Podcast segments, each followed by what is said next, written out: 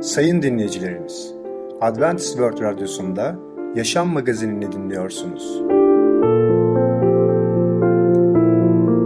Sayın dinleyicimiz, ben Ketrin Akpınar, Adventist World Radyosu Yaşam Magazinine hoş geldiniz. Sizinle birlikte 30 dakika boyunca olacağım.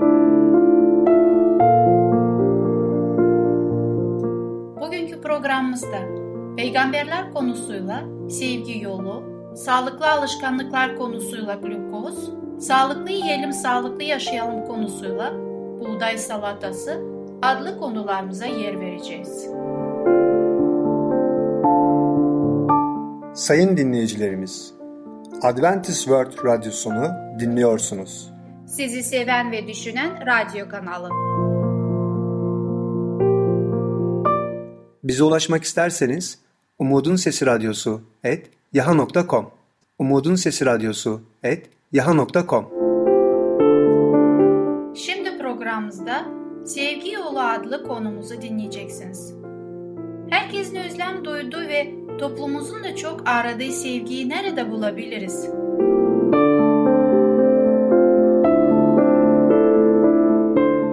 Merhaba sevgili dinleyiciler. Ben Tamer. Peygamberler programına hoş geldiniz. Bugün sizlerle sevgi yolu hakkında konuşacağız. Sevgili dinleyiciler, birkaç gün önce bir kitap satın almıştım ve orada kutsal yazıtlardan diye bir bölüm koymuşlar. Onu sizinle paylaşmak istiyorum. Eğer insanların ve meleklerin dilinde konuşursan fakat sevgin olmazsa yankılanan bir davul veya zil olursun sadece. Eğer bir peygamber olsan, imanınla dağları oynatsan fakat sevgin yoksa bir hiç olursun. Eğer bütün mallarını yoksullara dağıtsan, bedenini ateşlere kurban etsen fakat sevgin yoksa hiçbir şey kazanamazsın. Bunu kutsal kitaptan Korintliler bölümünden bir alıntı olarak bu kitapta konuşlar. Ayrıca de başka dinlerde de örneğin Hinduizm'de şöyle diyor. İnsanlar beni yalnız sevgiyle görebilirler ve bana sadece sevgiyle ulaşabilirler. Sevgili dinleyiciler, bir bahis şöyle açıklıyor. Ben genelde açık havada vaaz verirken böyle bir insanlara bakıyorum ve onlara kendimi tanıtmaya çalışıyorum. Birkaç dakika bunun için ayırıyorum. Eğer bakıyorsam bu insanlar biraz sıkılıyorlar ve hatta beni dinlememeye başlıyorlar görürsem o zaman konuşmamı kısa tutuyorum. Çok fazla kendimi tanıtmak için zaman ayırmıyorum. Ve onlara asıl konuyu kutsal kitabı açıklamaya başlıyorum. Tabii ki dinleyicilerin çok çok fazla farklı ve değişik kesimlerden geldiklerini görüyorum. Ve bazıları farklı farklı sorular soruyorlar. Mesela sordukları sorulardan birisi şudur. Neden Tanrı'ya giden tek yolun İsa Mesih olduğunu söylüyorsunuz? Neden kutsal kitap bize yol, gerçek ve yaşam İsa Mesih olduğunu hatta kendisi bunu söylediğini bize söylüyorsunuz? Evet bir kişi de hatırlıyorum bir üniversitede konuşma yaparken bana böyle bir itiraz etti. İsa'nın Tanrı'ya giden tek yol olduğunu söylemek bence dar kafalılıktır. Onun dışında bir sürü peygamberler var. Krishna var, başka liderler var, dinler var. Neden Tanrı'ya İsa Mesih'in sadece yoluyla sınırlı olması gerektiğini, sadece tek bir sevgi yolu mu var?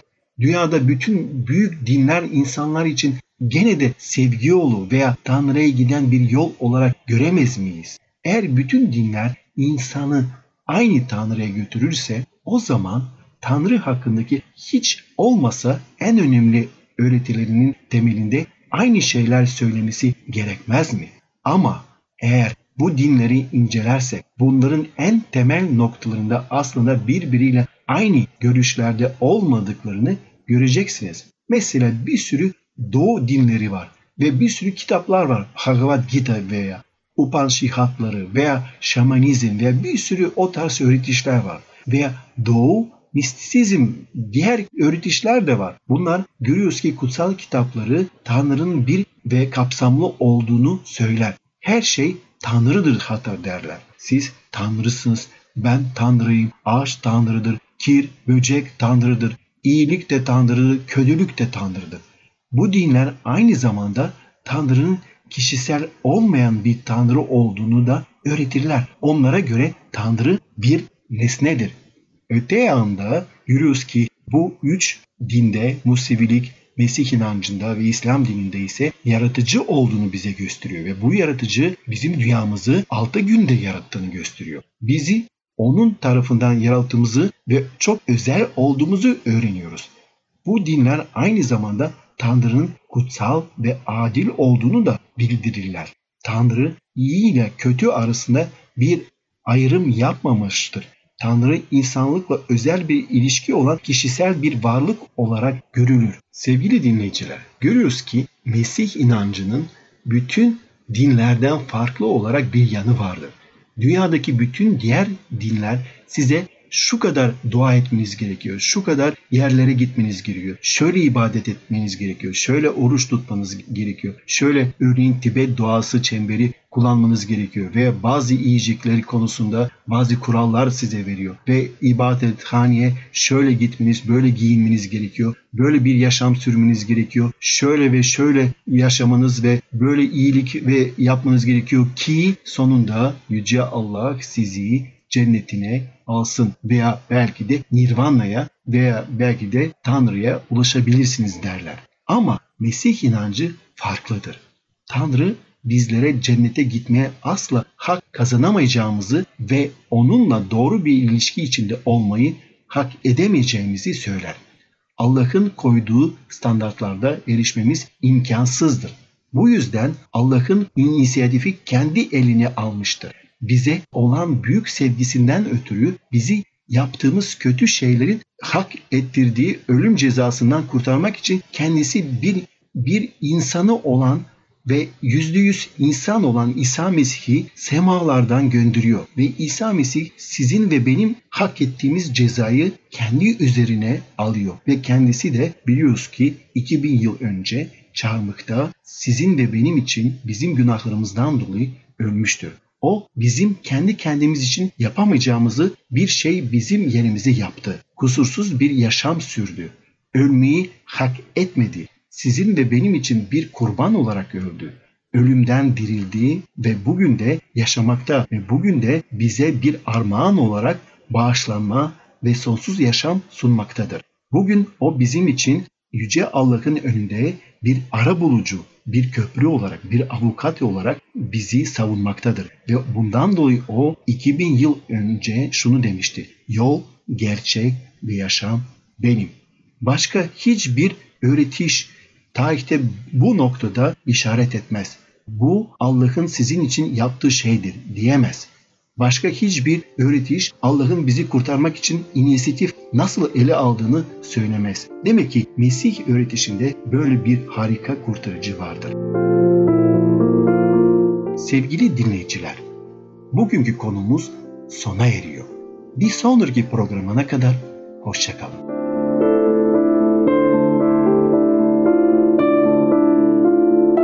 Sevgili dinleyicimiz, Sevgi Yolu adlı konumuzu dinlediniz. Bu hafta Salı günü Peygamberler adlı programımızı aynı saatte dinleyebilirsiniz.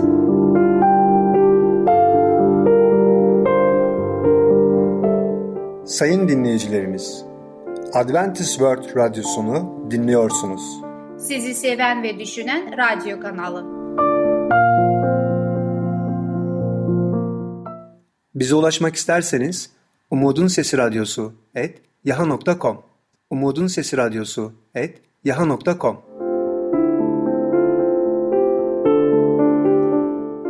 Şimdi programımızda glukoz adlı konumuzu dinleyeceksiniz. Glukoz nedir? Glukoz bedende nasıl değerlendiriliyor?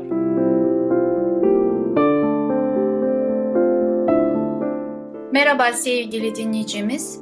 Sağlıklı Alışkanlıklar adlı programıma hoş geldiniz. Ben Ketrin. Sizinle birlikte bugün bakmak istediğim konu hakkında glukoz. Glukoz nedir? C6H12O6 kimyasal formülüyle glikoz vücudun temel yakıt maddesidir. Konu enerjik bakımdan ele aldığımızda Biyolojik olarak biz insanların glikoz ile işlenen birer motor gibi olduğumuzu söylenebilir. Yiyeceklerdeki karbonhidrat çoğu bitkisel lif hariç sindirim yoluyla glikoza dönüşerek önce kana karışır, ardından vücudumuzda hücreleri tümüne iletilir. Fakat asıl depolama yeri tıpkı bir ambar şefi gibi çalışan karaciğerdir. Glukoz, vücut ihtiyaç duyduğunda tekrar glukoza dönüştürülen yedek polisikarit olarak bu bezi içerisinde glikojen şeklinde depolanır. Böylece karaciğer vücudun glukoz seviyesine sürekli olarak koruma görevini üstlenir. 1 litre kan için yaklaşık 1 gram ve her litre 100 miligrama 100 mililitre vücudun fiziksel harekete ihtiyacı duyması halinde tekrar glukoza dönüştürülmek üzere bir miktar glukoz glikojen şeklinde kaslar hücrelerinde depolanır. Kandaki glukoz oranı azaldığında eğer kaslarda ve karaciğerde sadece birkaç saat süreyle depolanan glukoz da tüketilmiş olduğundan dolayı bu seviye yükseltmezse hipoglisemi durumuna gireriz. Bu durum vücudun enerji sağlayabilecek bir başka kaynak bulunmadan önce meydana gelirse bulanık görme, şiddetli açlık hissi, halsizlik, güç ve bilinç kaybı ve bayılma ya da lipotimi gibi önemli semptomlar oluşabilir. Glukoz kan yoluyla vücuttaki tüm hücrelere iletilir. Hücrelerin içerisinde oksijen ile birleşmesi sonucunda yandığında verdiği enerji sayesinde glukoz vücudun tümünü işlevlerini yerine getirmesini sağlar. Adaleler kasılır, vücut ısısı oluşur ve özellikle düşünme esnasında beyin işlevlerini sürdürür. İşlevini iyi bir şekilde sürdürebilmesi için bu harika organ iki ayrı maddeyi sürekli ve düzenli bir şekilde almalıdır. Glukoz ve oksijen. Beynimiz her gün yaklaşık 140 gram glukoz tüketir. Glukozun hücrelerin içerisine girmesi, orada yanması ve enerji üretebilmesi için insülin hormonların hareketine ihtiyacı vardır. Pankreas yeterince insülin üretmediğinde ya da hücreler insülin kullanmadığında kandaki insülin azaldığı takdirde glukoz tüketilmek üzere hücreler girmek yerine kanda birikmeye başlar ve kandaki seviyesi sürekli yükselir. Hücrelerdeki glukozun metabolizme edilmesi yani yanması ve enerji üretebilmesi için B vitaminlerine ihtiyaç vardır.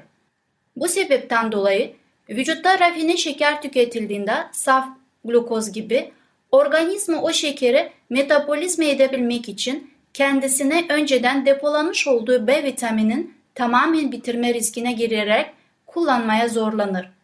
Rafine şeker iyi bir yiyecek değildir. Sadece kalori verir. Ancak içerisinde vücuda yarar sağlayan hiçbir madde yoktur. Daha önce söylediğime örnek olarak ekmek ve benzeri hamur işi gıdalar diyetten nişasta şeklinde daha fazla karbonhidrat alınmasını sağlarlar. Tipik beyaz rengiyle rafine undan yapılan gıdalar bitkisel lif yani kepek ve buğday tohumunun özünden var olan B ve E vitaminden yoksundurlar. Karbonhidratlar bakımından sağlıklı bir diyetin amaçları. Dünya Sağlık Örgütü'nün tavsiyelerine göre sağlıklı bir diyet için aşağıdaki hususlara dikkat edilmelidir. Birinci olarak kompleks karbonhidratlar tüketimini artırın. Üretilen enerjinin %70'ini sağlayacak şekilde. İkinci olarak tüketim oranınız alt limitiyle sıfıra kadar erişinceye dek basit rafine karbonhidratların şekerin tüketimini mümkün olduğunca azaltın. Bu da aşağıdaki yiyeceklerin bol miktarda tüketilmesi gerektiği anlamına gelmektedir. Tahıl ve bakliyat türleri buğday, arpa, yulaf, çavdar, mısır, pirinç, darı vesaire kompleks karbonhidratlardan başlıca kaynağıdır.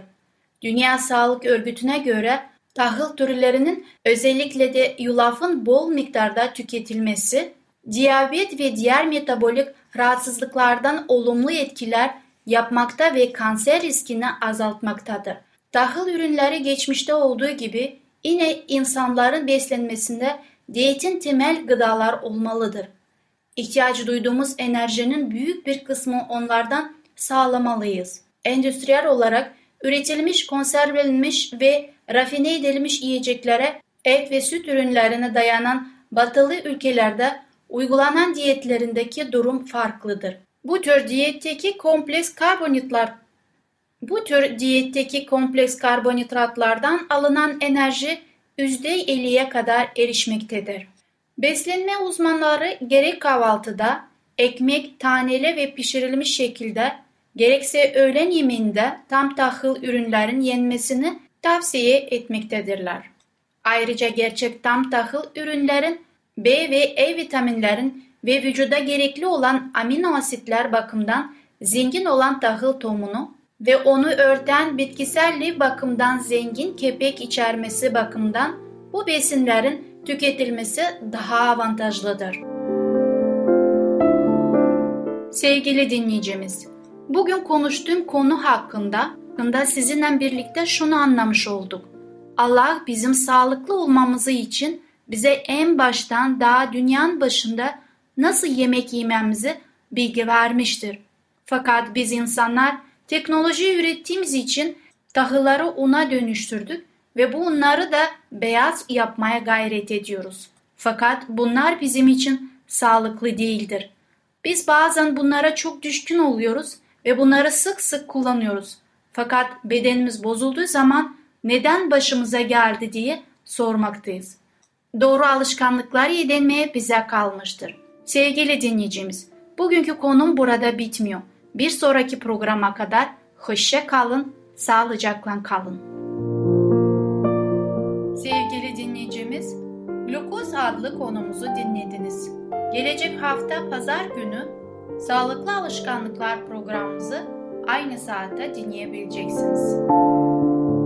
Sayın dinleyicilerimiz, Adventist World Radyosunu dinliyorsunuz. Sizi seven ve düşünen radyo kanalı.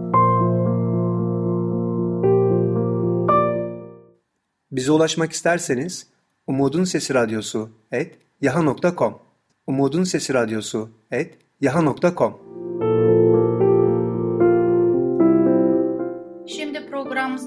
buğday salatası adlı konumuzu dinleyeceksiniz. Buğdayın faydaları ve değerleri nedir?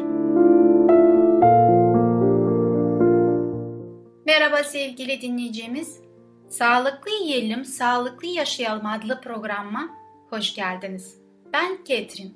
Bugün sizlerle birlikte mutfağımda tekrar zaman geçirmekten çok hoşnutum. Sizlerle bakmak istediğim yeni bir tarife buğday salatası.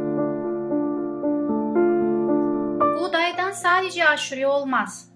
Doyurucu bir salatanın temel malzemesi olan buğday, yakışan alternatif tatların başından nar ekşisi ve ceviz içi başı çeker. Domates, maydanoz, yeşil zeytin gibi salatada kullanılan malzemelerin yanı sıra ceviz ve nar ekşiliğin yer aldığı buğday salatası tarifi birçok sofraya yakışacak cinsten. Hazırlayacağım salata yaklaşık 4 kişilik için. Salata için kullanacağımız malzemeler şunlardır. 1 su bardağı buğday, önceden ıslatılmış. 5 su bardağı su, 6 adet çeri domates, yarım su bardağı yeşil zeytin, 2 adet salatalık turşusu, 4'te 1 demet maydanoz, 4'te 1 demet dereotu, yarım çay bardağı ince çekilmiş ceviz içi, 4 yemek kaşığı zeytinyağı, 2 yemek kaşığı nar ekşisi, yarım çay kaşığı tuz. Servis için yarım demet kıvırcık veya marul. Sevgili dinleyicimiz, bugün sizlerle birlikte buğday hakkında bakmak istiyorum. Onun değerleri ve faydaları nedir? Buğday, tahıl grubunda yer alan temel besin maddelerinden biridir. B grup vitaminleri ve lif içeriği yüksektir. Buğdayda elde edilen ürünler ekmek, makarna, bulgurdur. Bu ürünler yapılırken kepek kısmının ayrılmaması besleyici değerini artırır. Besin değerlerine bakacağımız bir su bardağı 200 mg'lık bir miktardır. Karbonhidrat 121.74 gram içermektedir. Protein 23.46 gram içermektedir. Yağ oranı 4 gram, lif oranı 20.6 gram. Kolesterolü sıfırdır. Sodyum 16 mg, potasyum 762 mg, kalsiyum 76 mg, vitamin A 6, vitamin C 0, demir oranı da 6.62 mg'dır. Aşurelik buğday ne kadar kalorili ve ne kadar faydalı olduğunu hep birlikte duymuş olduk. Şimdi bu değerleri öğrendikten sonra artık salatamıza geçebiliriz. Salatamızın hazırlanmasına geçmeden önce bazı noktalara dikkat etmemizi gerektiğini düşünüyorum. Nedir bu noktalar? Buğdayları bol suda şişip yumuşayana kadar haşlamanız ve salata yapılacağı için suyuna süzdükten sonra durlayıp bir kenara koyabilirsiniz. Pişirme süresini kısaltmak için buğdayı bir gece öncesinden suda bekletip suyunu süzdükten sonra içme suyunda haşlayabilirsiniz. Evet, artık yapılış adımına geçebiliriz. İlk olarak tercihen suda bekletip bol suda duruladığınız buğdayı derin bir tencereye alın. İçme suyu ilavesiyle orta ateşte 30 dakikaya kadar haşlayın. İkinci olarak salata yapacağınız için buğdayın haşlama suyunu süzdükten sonra sadece bir kez durulayın. Fazla suyun süzülmesini bir süzgeçte bekletin. Sap kısımlarını çıkardığımız çeri domatesleri 4 eşit parçaya bölün. Çekirdeksiz dolmalık yeşil zeytin ve salatalık turşularını küçük küplere halinde kesin. Maydanoz ve dereotunu incecik kıyın. Suyun süzüldüğünüz haşlanmış buğdayı derin bir salata kasesine alın. Doğranmış olan salata malzemeleri ile harmanlayın. Küçük bir kasede zeytinyağı, nar ekşisi ve tuz karıştırarak hazırladığınız sosu salataya ekleyin. Son olarak ince çekilmiş ceviz içine ilave edip salatayı karıştırın. Arzuya göre bol suda yıkanmış kıvırcık marul yaprakları ile servis edebileceğiniz salatayı sevdiklerinize paylaşın. Afiyet olsun. Arzuya göre salataya keçi peyniri ve damak tadınızın sevdiği kuru ve taze baharatları katabilirsiniz. Sağlıklı beslenme açısından önemli bir yere sahip olan aşurelik buğdayın sağlık açısından saymakla bitmeyecek kadar çok faydaları vardır. A, B, C, K, B12 vitaminlerin yanı sıra aynı zamanda kalsiyum, potasyum, selenyum, karbonhidrat, demir ve fosfor gibi önemli mineral ve vitaminleri de bünyesinde bulunduran bu şifalı tahıl Türk mutfağının vazgeçilmez bir besinidir. Aşurelik buğday aynı zamanda besin değerinin oldukça yüksek olması bakımından ülkemizde üretimi oldukça sık yapılan tahıllar arasında yer alır. Geçmiş dönemlerden itibaren sağlıklı beslenme açısından oldukça talep gören aşurelik buğday oldukça lezzetli olması ve sağlığa olumlu etkileri sayesinde günümüzde de özellikle aşure yapımında oldukça sık kullanmaktadır. Karbonhidrat bakımından oldukça zengin bir tahıl olan aşurelik buğday tam bir enerji deposudur.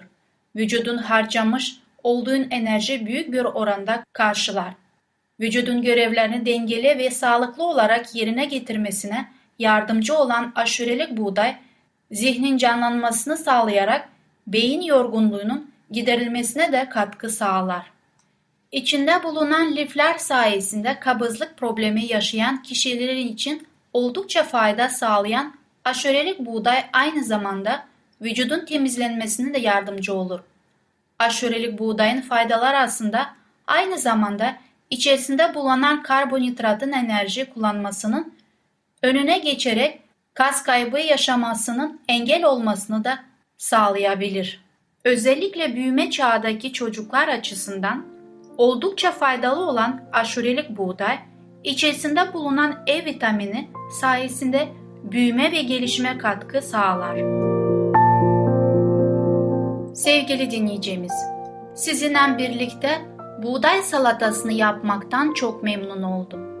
Bugün sizlerle birlikte buğday ne kadar faydalı ve menümüzde ne kadar sıklıkta olması lazım özellikle çocuklar için anlamış olduk.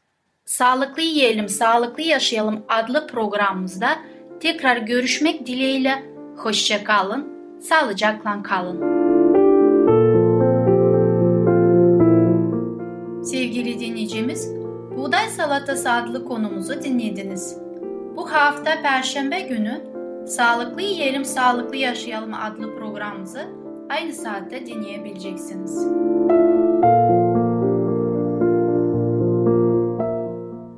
Sayın dinleyicilerimiz, Adventist World Radyosunu dinliyorsunuz. Sizi seven ve düşünen radyo kanalı.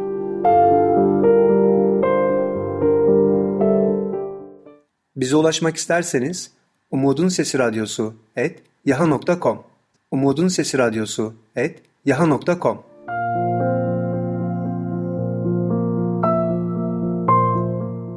Sevgili dinleyicimiz, gelecek programımızda yer vereceğimiz konular tembellik, yorgunluk için istirahat, demircinin oğlu. Bugünkü programımız sona erdi. Bizi dinlediğiniz için teşekkürler. Bir sonraki programa kadar görüşmek dileğiyle. Hoşçakalın.